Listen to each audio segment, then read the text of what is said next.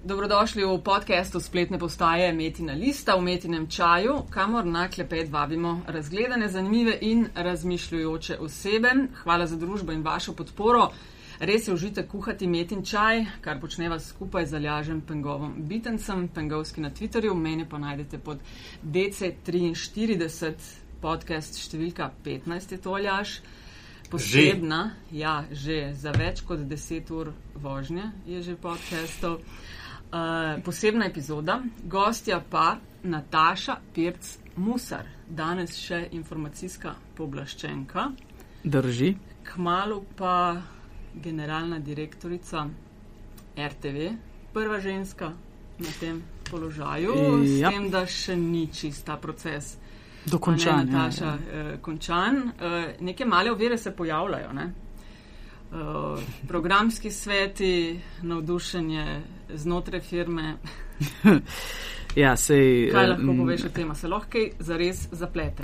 Najprej hvala za povabilo obema, Aljaš in Nataša. Um, z veseljem eh, spijem danes ali met in čaj z vama. Uh, zapleta se vedno lahko, ne? ampak če na to pogledam z vidika prava, torej kot pravnica in jo to situacijo ocenim predvsem pravno, seveda me sprašuješ verjetno o tem, kar se je pojavilo po izvolitvi Nataše Pirc-Musar, da so namreč trije svetniki Ja, točno. nezakonito uh, člani programskega sveta.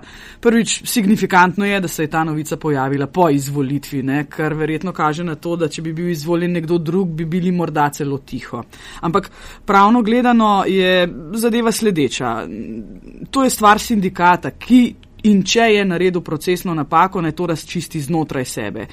Um, ni bila vložena, kolikor vem, uh, zahteva za začasno odredbo, torej za zadržanje imenovanja teh treh uh, svetnikov, članov programskega sveta. Uh, in um, takšne problematike, takšna, takš, takšen zaplet zagotovo pravno gledano ne more vplivati na pravice tretjih. Jaz s tem osebno nimam nič. Ne. Um, In še ena stvar, ne, tukaj seveda ne, ne postavlja pod vprašanje samo izvolitev nove generalne direktorice, ampak delovanje celotnega programskega sveta od konstituiranja do odločitve sodišča, kar je pa tudi pravno gledano, um, po mojem, povsem nerelevantno. Tako da teh zadev se v ozadju ne bojim, so pa to že prva polena, ki letijo pod noge in vem, da veliko ljudi ni srečnih, da se bo vodstvo zamenjalo, vem tudi zakaj, ne vem sicer še vsega, ampak. Uh, Tega sem vajena tudi že kot informacijska pooblaščenka in um, večje kot ovire so, bolj sem. Uh, Lažje skačeš lažje sk- ne, Bolj- la, bolj izziv, ne, večji večji, izziv? večji izziv postane vse skupaj. Ne. Nataša, tudi te pravne fore, pa tako je. Brez veze, a ne? Mene seveda zanima nekaj drugega. Gledaj, Jaz sem Nataša, gledaj, jaz sem briški dobival dajo. A vidva mislite, da sta toliko dobra, da lahko delata na nacionalni radio televiziji? Dobre kaj? promotorje imava. Žiga Turk, ko mislim. No, lej, od, od koga sta boljša? Ne? Mene zanima sam kakovost, lej, nič drugega. pol prideva not. No, da ne bo kdo resno vzel, no, to se tako vendarle ne dela. Še, še, še, kleka jaz delam nekam ali po robeh Natašah. Drži. Ja, tisti, ki nimate smisla za humor. Ali pa humor, kot bi rekel Jurek Gordon. Uh, bolj, resne, bolj resne stvari. Um, Veliko smo brali no, zadnje, zadnje leto, v bistvu, kako grejo uh, tako gadne pare za razne projekte, take in drugačne na nacionalni, predvsem televiziji. Ne, klek jaz kot tradic bom kle, imel še s tabo v toku današnjega pogovora ja. uh, um, pripomp na. No, a- anyway. Uh, skratka, veliko denarja je šlo za, raz, za razno razne projekte, ki so imeli, bodimo iskreni, omejen izplen. Bodi si v smislu gledanosti, bodi si splošne kvalitete programa, uh, bodi si finančnega, no, če, če smo že pri tem. Kaj hočeš in predvsem, kaj lahko generalna direktorica na takih primerih sploh naredi?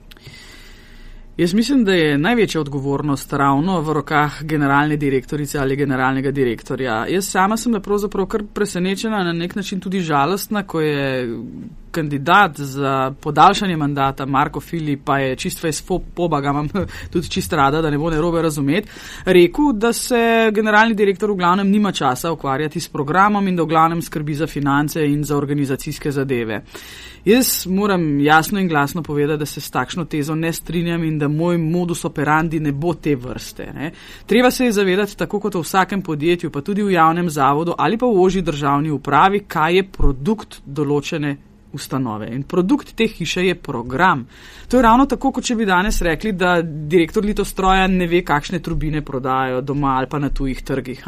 In osnovno moje izhodišče bo, da moram vizijo, ki jo imam v svoji glavi in to željo in energijo po spremembi prenesti na tiste pod menoj. Vse jaz vem, da se z, vsem, se z vsemi zadevami ne bom zmogla ukvarjati, ne? ampak generalni direktor oziroma generalna direktorica je vendarle tista, ki pa mora imeti kolikor toliko dober pregled nad vsem. In zdaj, če se dotaknem tvojega vprašanja, ne? predvsem seveda z vidika programa, ki je produkt, potem tudi dober pregled nad tem, koliko denarja se za posamezen produkt zmeče. Če tega nimaš pošlihtenega v svoji glavi, lahko pozabiš, pol si lahko tam HRM menedžer ali pa en organizator, ampak uprostite, ne tudi za te stvari seveda so v hiši drugi ljudje, ki jih morajo upravljati. General pa mora imeti neko filozofijo in roko nad vsem. Veliko zgodb je prišlo tudi do mene, kako so se porabljala sredstva. Zato bo eden mojih prvih ukrepov, in to sem tudi že javno povedala, glede na to, da kot informacijska povlaščenka seveda verjamem v transparentnost, popoln pregled porabe javnega denarja. Pa ne samo zaradi javnosti in ljudi, ki gledajo in poslušajo ta program, ampak tudi zaradi 2400 zaposlenih, koliko jih je v hiši. Namreč, to so še honorarci zraven. Še honorarci, ja. skupaj 1900 je približno plus redno zaposlenih, ja. plus okrog 500 honorarcev. In v glavnem govorice, ki prihajajo iz hiše ven, so tiste, ki delajo škodo, zato ker ljudje znotraj hiše niso dovolj informirani. In ne nazadnje, transparentnost porabe javnega denarja zagotovo predvsem pa proaktivna transparentnost, o kateri razmišljam, lahko prepreči malverzacije in da eno zavedanje v glavo vsakega posameznika, ki razpolaga z enim samim centom znotraj hiše, da bodo te stvari pregledne. Ok, ampak kaj recimo boš naredila drugače od tega, kar je zdaj, da bo to pregledno? Te stvari se zdaj niso objavljale, so se skrivale, je ja, omejen krog ljudi imel uh, dostop ja. do tem. Ti nameravaš to javno objaviti na spletni strani. Recimo projekt, ne vem, nedeljska oddaja, toliko, po posameznih postavkah. Tako je. Za kakšno ceno? Jaz tukaj ne vidim cene. Cena transparentnosti je manj korupcije, manj uh, nečistih korit, na katera so prisesani določeni ali podjetja ali posamezniki.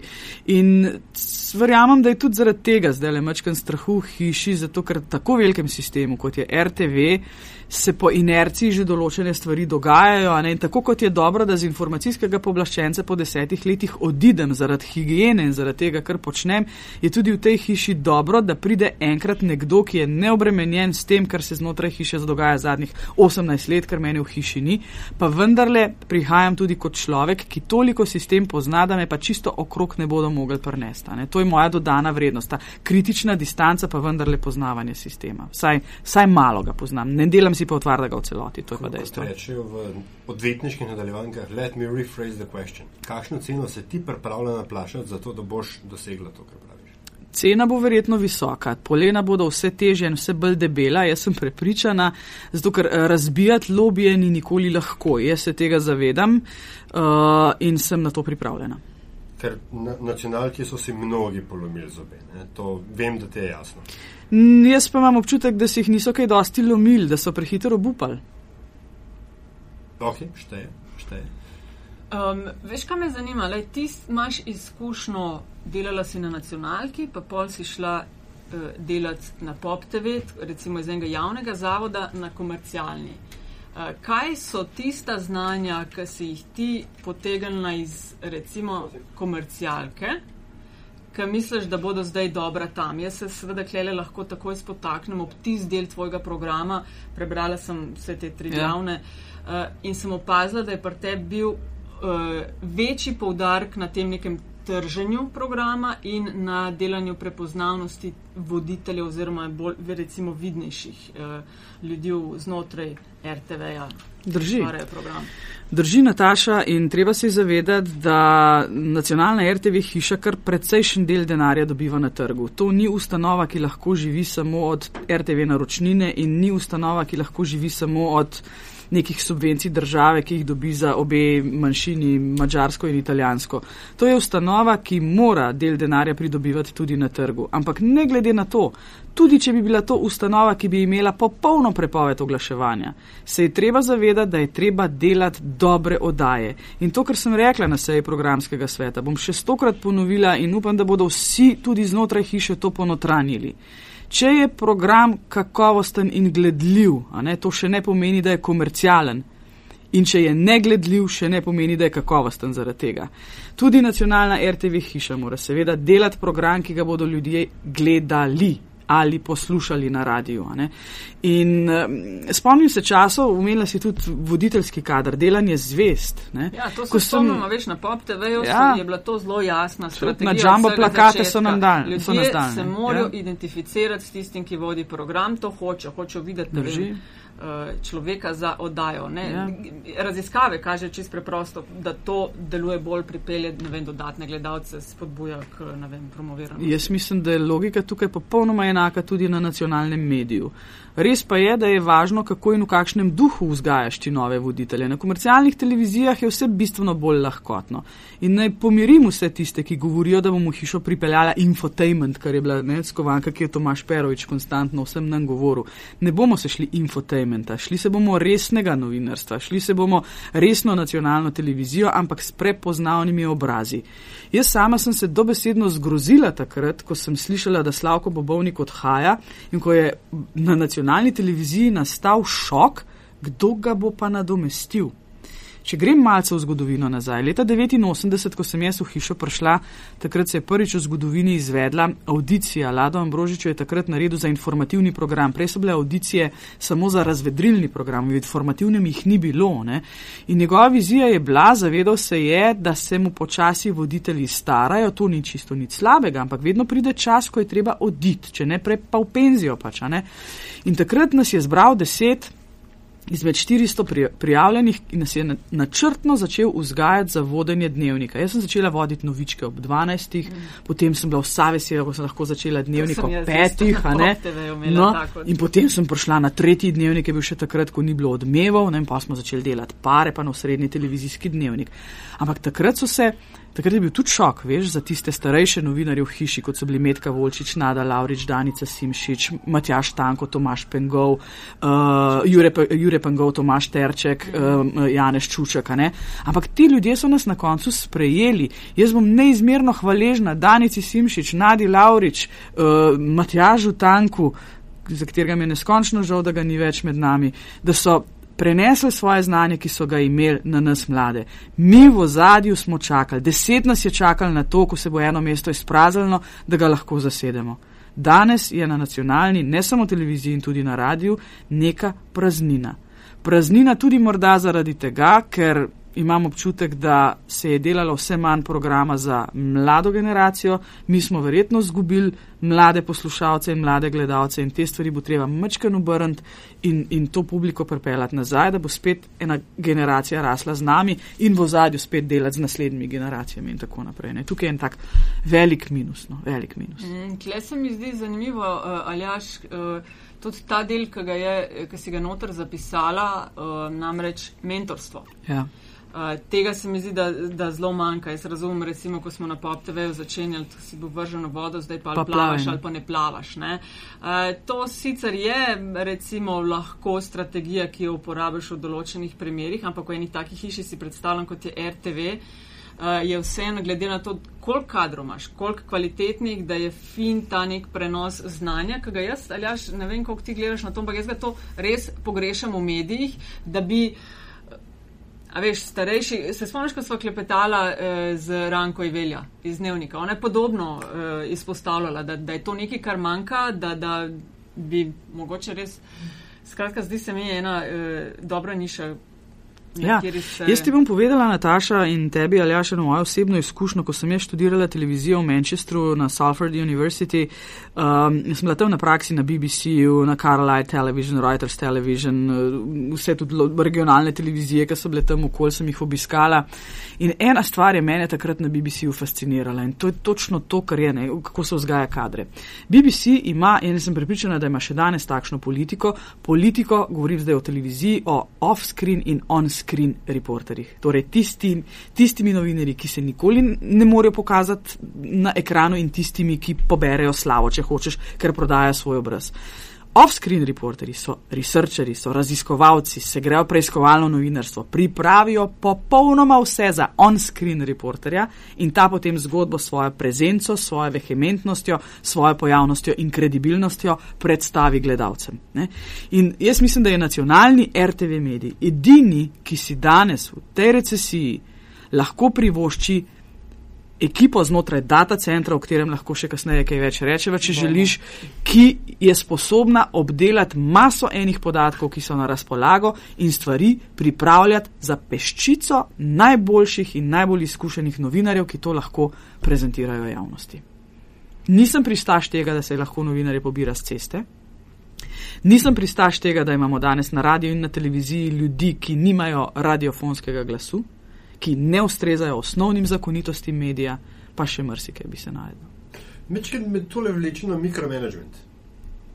Da se vendarle, da, da, te, ja. da, da te nese, bom rekel, ne, ne samo neke strateške odločitve, ampak v čist neke, da imaš predstavo, kako nečist konkretni produkt izgleda. Jaz vedno razmišljam zelo konkretno. Vse te stvari, ki jih danes govorim, jih govorim z vidika gledalke in poslušalke. Jaz 18 let nisem v hiši. Jaz sem imela tukaj verjetno manj prednosti, kot ste jih imela kolega Ljerka in Marko, ker sta že toliko let znotraj hiše in veste, kaj se je zadnja leta dogajalo. Vse tisto, kar sem pisala v program, je program pisan z kože poslušalke ali gledalke. Res je, da so to zelo konkretne stvari, ampak še enkrat poudarjam tisto, kar sem rekla na začetku. Moj osnovni fokus je program, ki je produkt te hiše. Če se tega kot generalna direktorica ne bom zavedala, mi nič ne pomaga, če se začnem takoj s financami ukvarjati, če tega ne znam prelit, kar bomo v hiši organizacijsko postorili in finančno v program, ki je temeljni produkt.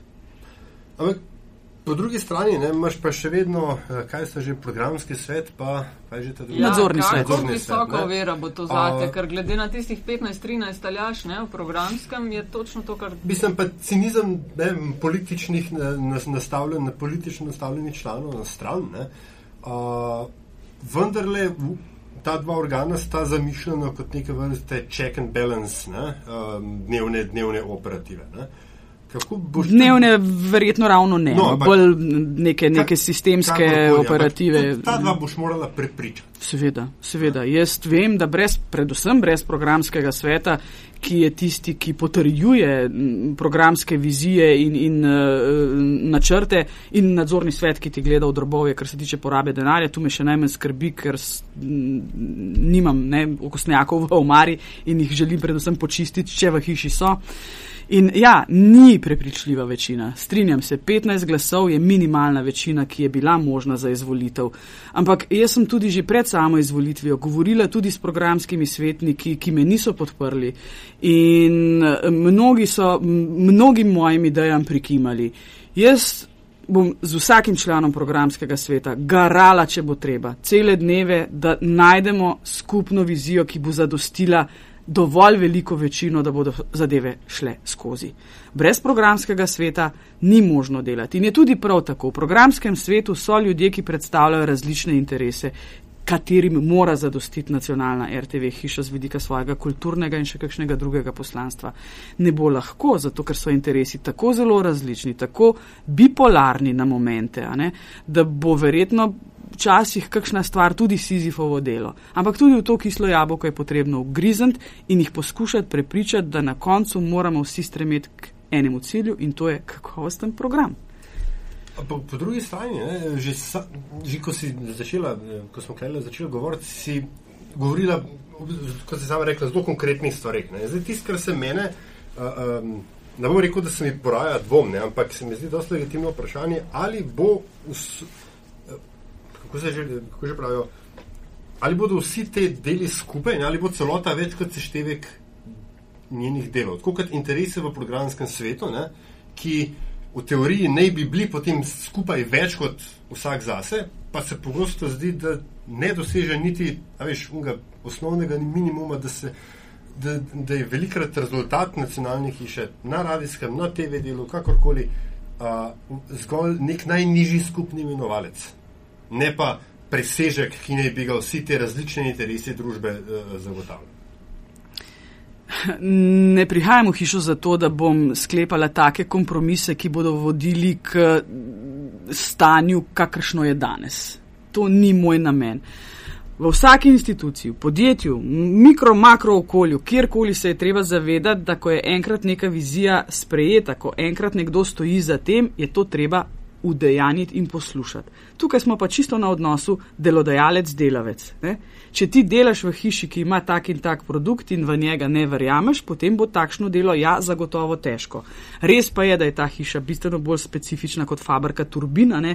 ker imaš noter umetnike, une tretje, četrte, ker imaš noter to zbipolarizirano tudi politično srednjo ne? in, in pri programu, ki je vsebinski, ki ni uh, kruh ali pa žemeljca, ne? se seveda mnenja bistveno bolj krešajo. Ampak, um, Misliš, da boš rabila let, če misliš mesecev, a veš, Med, da bo ja, let, to prelet. let, a veš Ja. to, ne, kar je Aljaš sprašal, da, da bo to začel dihati kot eno, kljub mogoče nekim, neki raznovrstnosti mnen, pa včasih vlečenja vsak na svoj konc. Ne. Vsem se more. Uh, recimo razlika, ki sem jo jaz opažala na začetku med Pop TV in RTV je bilo, pa mogoče se to celo na Pop TV zdaj dogaja, ker je večja firma. Uh, na Pop TV smo vsi dihali, Drži. prvih deset let, bi rekla, zelo orang zbajto. Ja. Eh, Na drugi smo, mi- eh, strani smo imeli pa RTV, ker s komorkoli si se takrat pogovarjal, je eh, šimfal čez RTV. Zelo malih je hvalilo hišo. Ampak po Zdaj drugi pa je strani, spet, ne, a ja. veš, se mi malce pa spet, veš, večja, ka firma ratuje, zdi se, da teže je to eh, dejstvo. identifikacijo a To je veš, eh, s firmo furat. Ne? Kaj si misliš? Ja, ampak po drugi strani ne, se mi zdi pa sploh, zdaj to zelo slovenski, ampak na nacionalki pa sploh ne, tako pa spet gledam Ja. nekdo zunanji, ki Ja, ne, če jaz isto trikrat sem bil mogoče v bajti, ja. ne. Ampak, a, a veš, notri bodo že šimfali nacionalko, sem boh ne da, da jo kdo od zunaj šimfal. Ja, ja, tudi to je. Ne?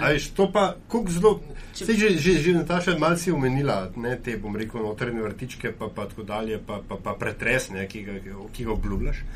Ampak, um, Prevetritev, ne Ne- pretres. No, okej, ne, v redu, ne, v tako redu, grobih besed v redu. uporabljati. Um, ampak nekaj tako občutek imam, da podcenjuješ ta, to, to trdoživost. Kamor prihaja to? Ja. Si se dobro pozanimala.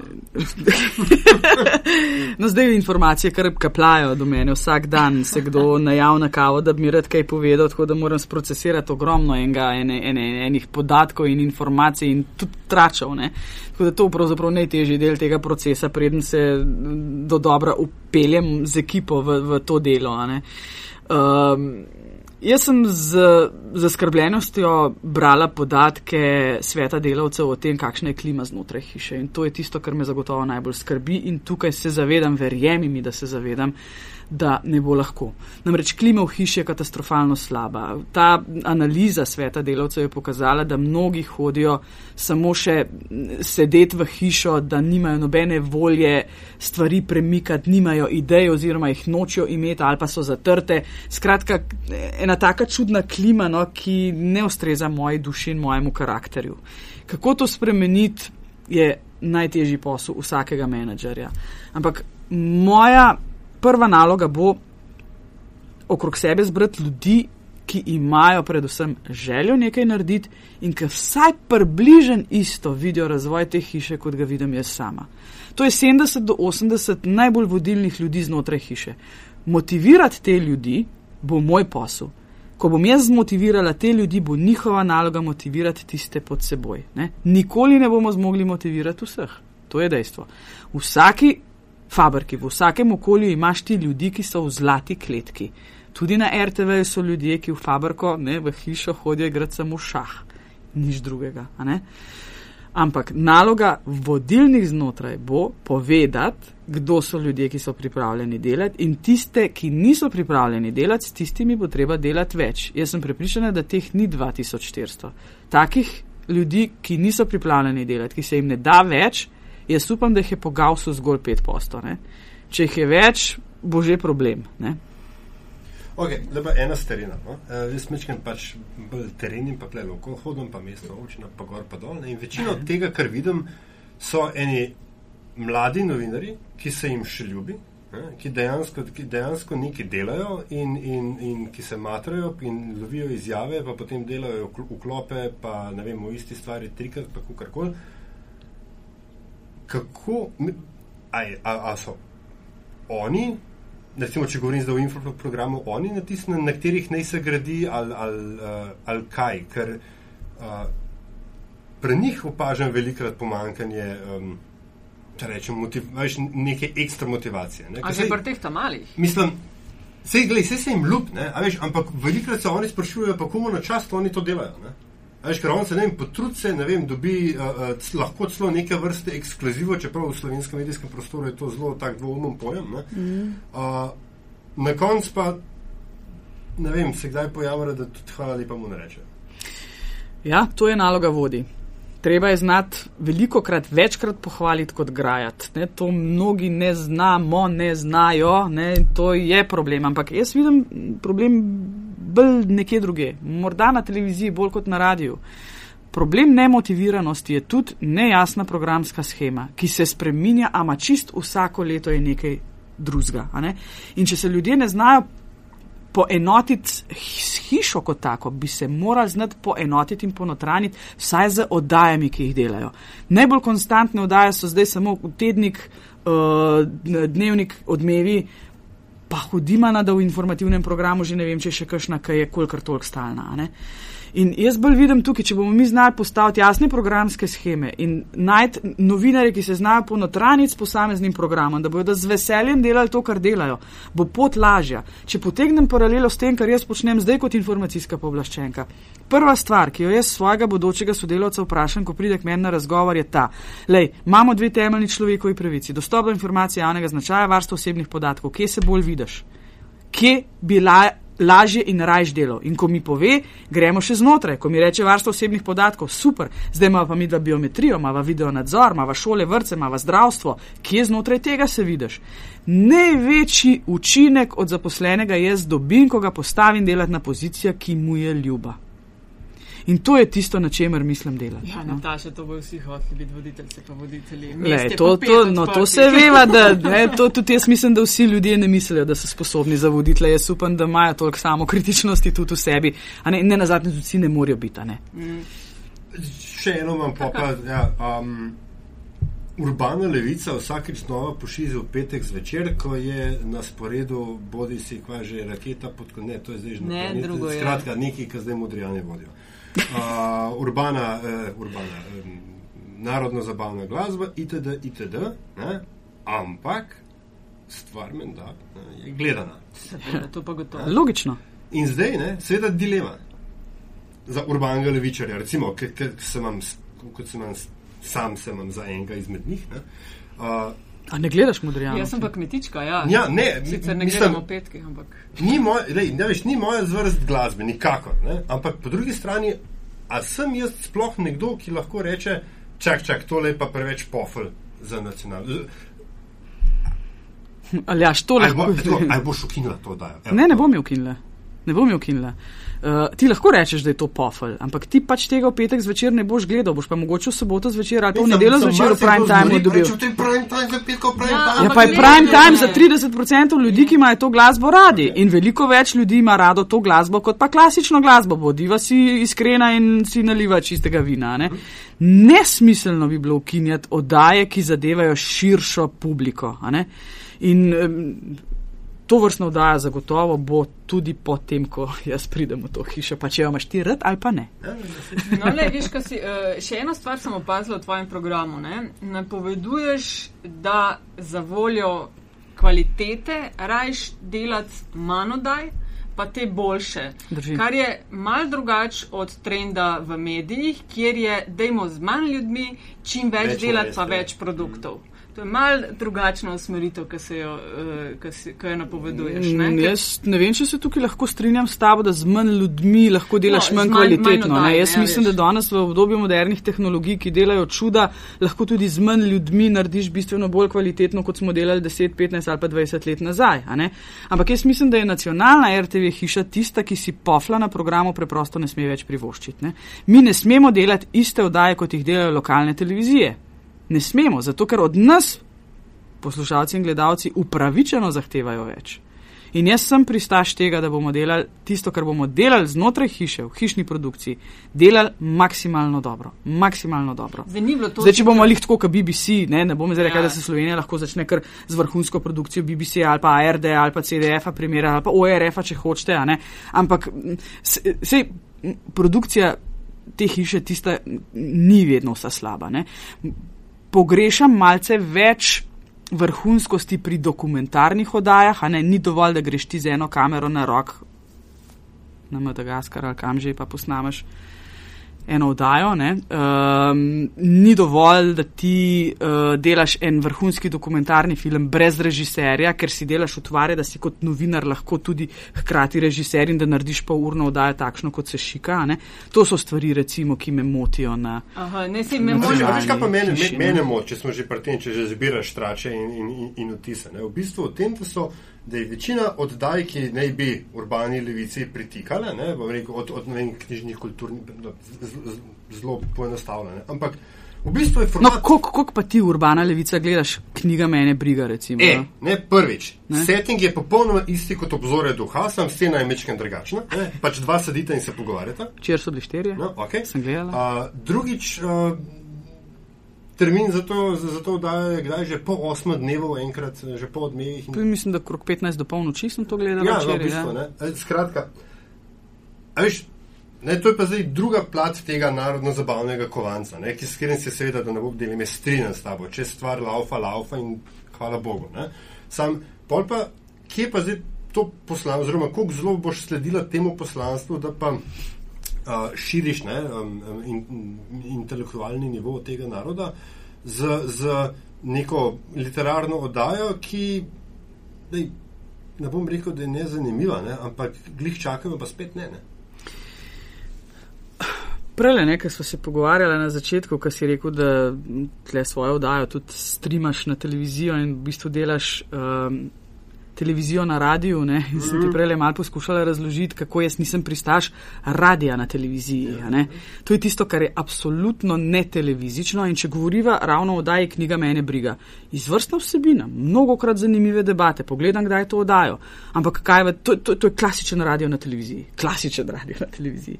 Recimo, če govorimo o knjigi Pavla Koelja, zakaj ne gospoda poklicati, saj po telefonu, pa reči, no, na kaj ste, na kaj ste pa vi mislili, ker ste tole knjigo pisali. a ne? Te dodane vrednosti, pa čeprav je spet mogoče samo radijska, njegov glas, ne? ampak ni samo ena debata v studiu za eno lepo kuliso.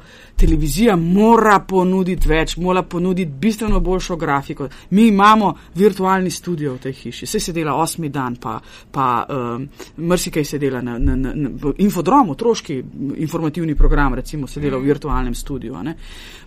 Za mrskaj se da ponuditi tehnologijo, ki naredi stvar veliko bolj televizično. Tudi, če pozameva informativni program, ne, kolikrat lahko določene stvari ponazoriš z grafik, pa sva pri podatkovnem novinarstvu, recimo, in z razno raznimi informacijami. Dodane vrednosti glede na to, kar obstaja, je treba delati. Ne smemo se zadovoljiti z pogovori v studiu. Evo, to je nekaj, kar kot gledalka ne maram. No, Dajmo mogoče še jed. A ja, ok, še preden gremo na ta data center in kako si ti predstavljaš ta podatkovno novinarstvo, kar si v ene par intervjujih Ja. o tem govorila, pa me zelo zanima.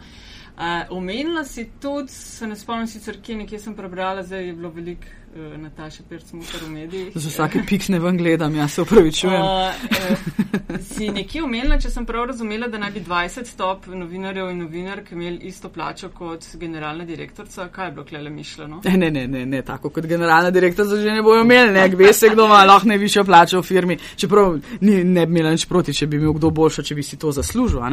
Bolj sem razmišljala, ker namreč kaj je problem te hiše tudi. Ne? Ta hiša je umeščena v sistem plač v javnem sektorju. To je bila ena stvar, ki je bila narejena pred leti pri plačni reformi znotraj javnega sektorja in da se je neko tako ustvarjalno hišo, ki morda ni ravno tipična za tipičnim javnim sektorjem, pa čeprav tudi javne zavode vzamemo to vrglo v ta sistem plač v javnem sektorju verjetno ni bilo dobro. Ne? Ampak poti nazaj, po mojem, zdaj ni več. Mislim, da ne bo možno reči, zdaj bi pa mi nekaj drugega, ker bomo za sabo potegali zdravnike, pa šolnike, pa policiste, pa bi vsak spet nekaj hotel po svoje. Ampak glede na to, ne, so spet pri, pri produktu te hiše in pri zvezdah, je pa vendarle, če želiš dobre kadre v tej hiši obdržati, treba vsaj potruditi se poiskati kakšne rešitve. Razmišljala sem čisto z vidika, ne vem, če vzameva eno ministrstvo, ker ima minister svoj kabinet, ki ga lahko pripelje, ko pride in ta kabinet seveda gre, ko minister odide, zakaj ne bi poskušali znotraj RTV-ja najti tudi možnosti, da se, ne vem, 20 najbolj vrhunskih radijskih in televizijskih zvest veže na mandat direktorja, ki delijo isto filozofijo in ki verjamejo to, kar direktor počne, ali pa da direktor verjame v njih, da so to najbolj prepoznavni obrazi in glasovi te ja, hiše. Zakaj bi se jih ne bi dal znotraj kabinetne, ne, rekla, ne funkcije ja. v narekovajih nagraditi. Ne spremembe potrebni za kaj tašnega. Ja, ja, zagotovo. Tudi pravne, ne? tudi pravne spremembe to. znotraj pravilnikov sistemizacije in tako naprej. To je zdaj res samo na glas razmišljam. Nisem še preučila, ali je pravno to možno, ampak bom pa pogledala, ali se da na, na ta način vendarle nekemu slavku Bobovniku ali Mariju Galuniču dati več, kot uh, dobita v ne vem, kjerem 45. plačnem razredu.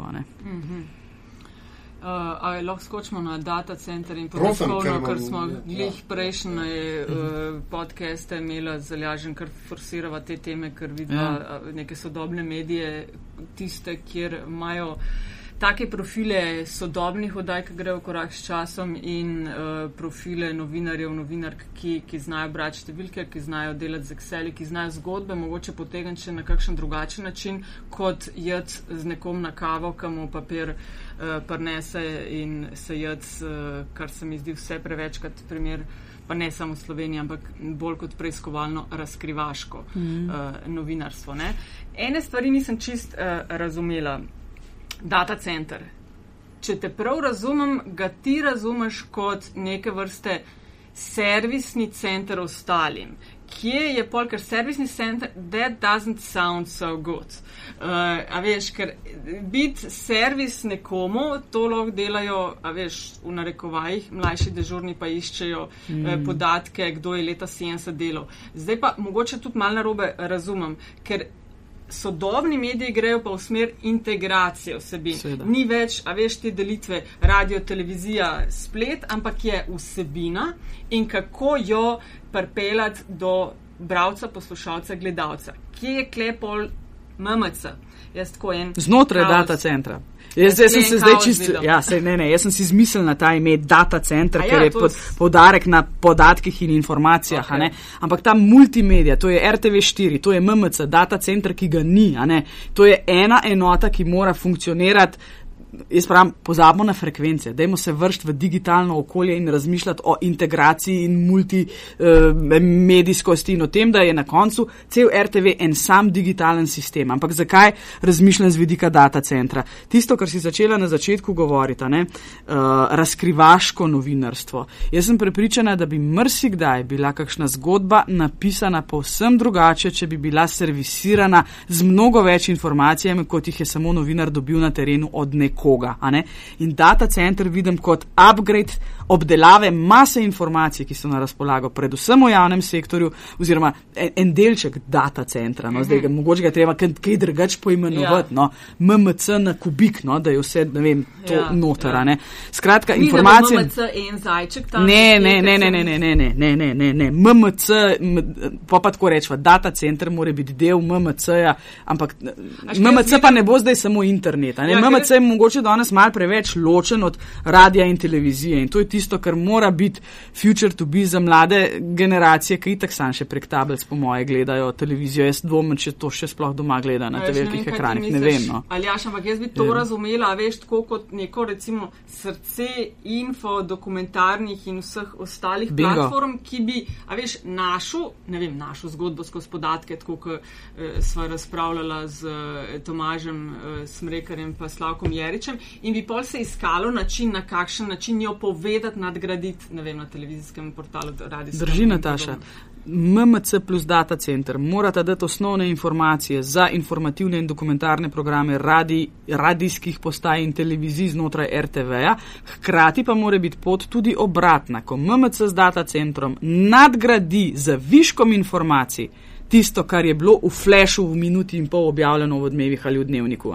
In jaz zadnje čase zelo gledam, recimo The Guardian, kako s podatkovnim novinarstvom in grafiko razdelajo posamezno zgodbo. Sama sem zdaj bolj spremljala mal Snowdna pa NSA, ma nikjer druge kot na Guardianu nisem našla boljših podatkov, pa je, vem, novinar napisal članek, potem si pa ti imel grafiko, pod, preko katere si se z miško sprehodil in vsak detajl, ki ga je novinar ni podrobno obdelal v svojem prispevku, si ga našel znotraj grafike s podatki opremljenega v nulo in z izjavami senatorjev, kongresnikov, Obame.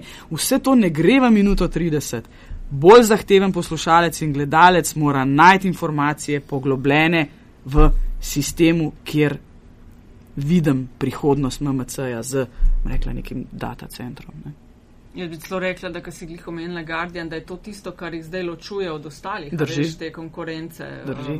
Malo zmiguješ. Mislim, da ja, to veš, super, ne. sam MMC pa mora najprej arhiv poštimati. Do, veš. ja, eh, ja. super, ta je dobra. Ja, to so tudi že prve novice, ki so prišle do mene, so te, da je radio zelo dobro poštimal arhiv na televiziji, No, na MMC-ju. evo, pa- Ne vem, če je zaradi tega, ker ti bom takoj povedal. Kaj nisi našla? Marko Zorko. Marko Zorko, se ga spomniš. On Seveda. je delal fantastične oddaje točno opoldne Drži. na radiju. Zdaj vem, ker Ne so mi reči, da se jih ne najde. Ne najde se jih in ni jih in prebrisane so in tiste kasete, na Zezaš. katerih ne, ne zezam, zaradi tega, ker so delali uh, zdaj eno uh, knjigo Marko Zorka, ki bo išla, se ni ali je celo že išla, skratka kompilacija njegovih skrivnih dnevnikov Jana Zadrnovška in Gerta Cooper, ki je pisal in so hoteli še to uh, zraven dati, ker so bili fantastični teksti med 88 recimo pa 92, zapis tistega časa in ga zelo pomembnega za Slovenijo nema.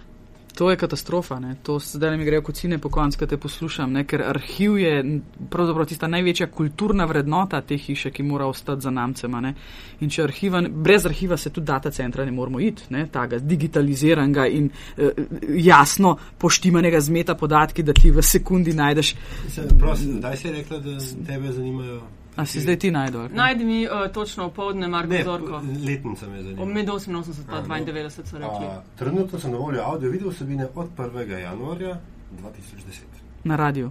Na 4D RTV Slosi arhiv. Mhm. Ne? Zdaj, a veš, Ja. mislim, Je. za- za- za- Zato imam jaz sklele mečken cinične uh, uh, iz, izpade. Ne? Sej, vse to, kar govoriš, se mi zdi super in na teoriji genialno, ne? ampak potem pa naletiš na, na problem, ki se mu reče migracija na nov sistem. Ne? Jaz vem, kako Ja, slišal sem, no, ko rekel, kako je bilo, ko se je nacionalka digitalizirala, ne? pa zdaj le vidim kot uporabnik, kako je, Mm. ko prehaja na kamal upgrade arhiv, pa tako dalje. Veš, to so potem stvari, ki se ti kaskadno začnejo rušiti in eno ali dve leti mineta, tako dokažeš To brit. je, to je dejstvo, Aljaš, ampak lej, uh, ne, dovoli mi sanje, da ne bom parafrizirala strica z Murgalja, jutri vem, da bo nov dan. Ja, ja. Ampak če jaz nimam enih sanj, ene želje, ene vizije, pa sed nekje moram začeti, jaz moram vedeti, kaj hočem najprej. Šele potem, ko bom vedela, kaj hočem, bom lahko pogledala, kaj je pa tudi možno. Lahko da vse ne bo možno, o čemer danes sanjam, ne? ampak sem pa prepričana, da se bo mrskaj dalo narediti. No?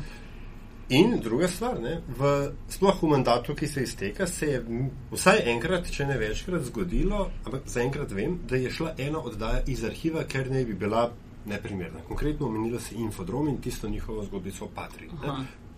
Arhiv, pa tukaj jaz arhiv vidim, tudi ga imamo na Radio Chaos, je tudi arhiv napak. Absolutno. Tudi zato, da se na njih učimo. Ne? In zdaj, kaj bi ti v takem primeru, ali pa če boš soočena s takim primerom, kaj boš naredila?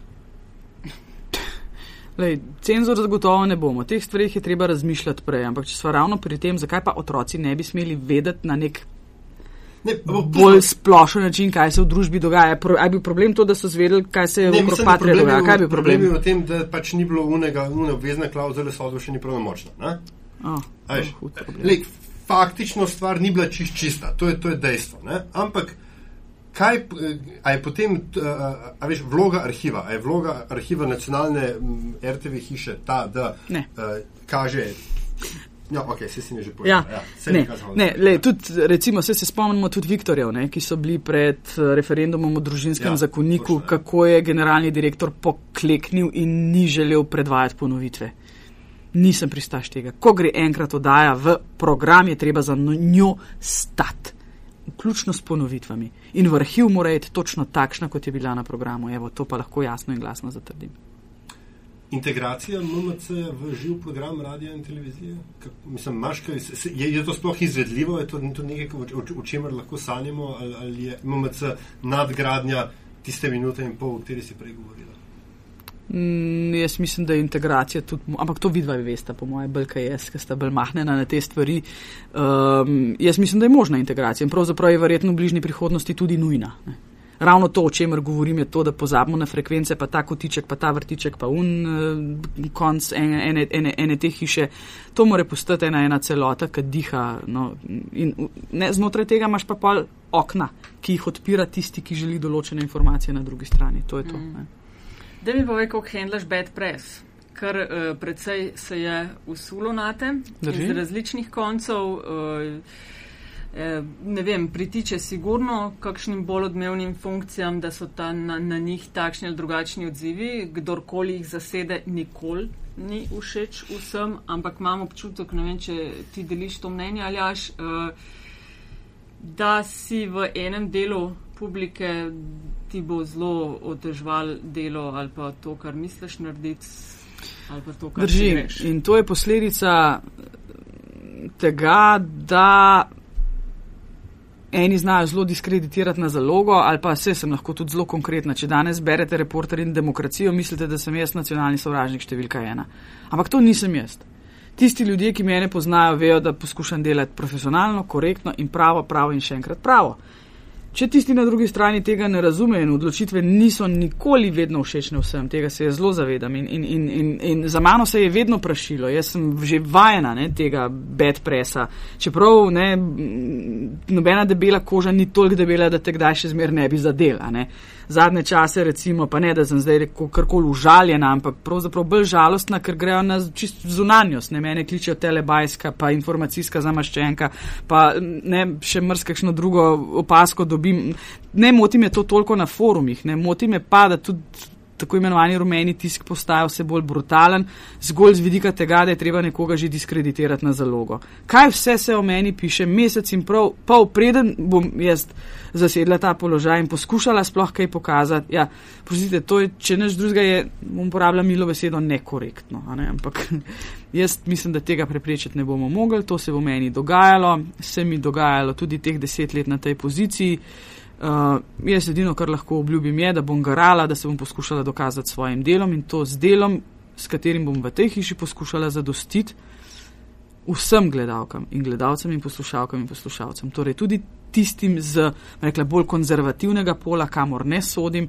Sem veliko krat javno povedala, da sem zagotovo liberalno usmerjena in da moje filozofsko prepričanje je liberalno in ne konzervativno. Namenoma ne govorimo o levih in desnih, ker mi grejo te oznake že blazno na jedra.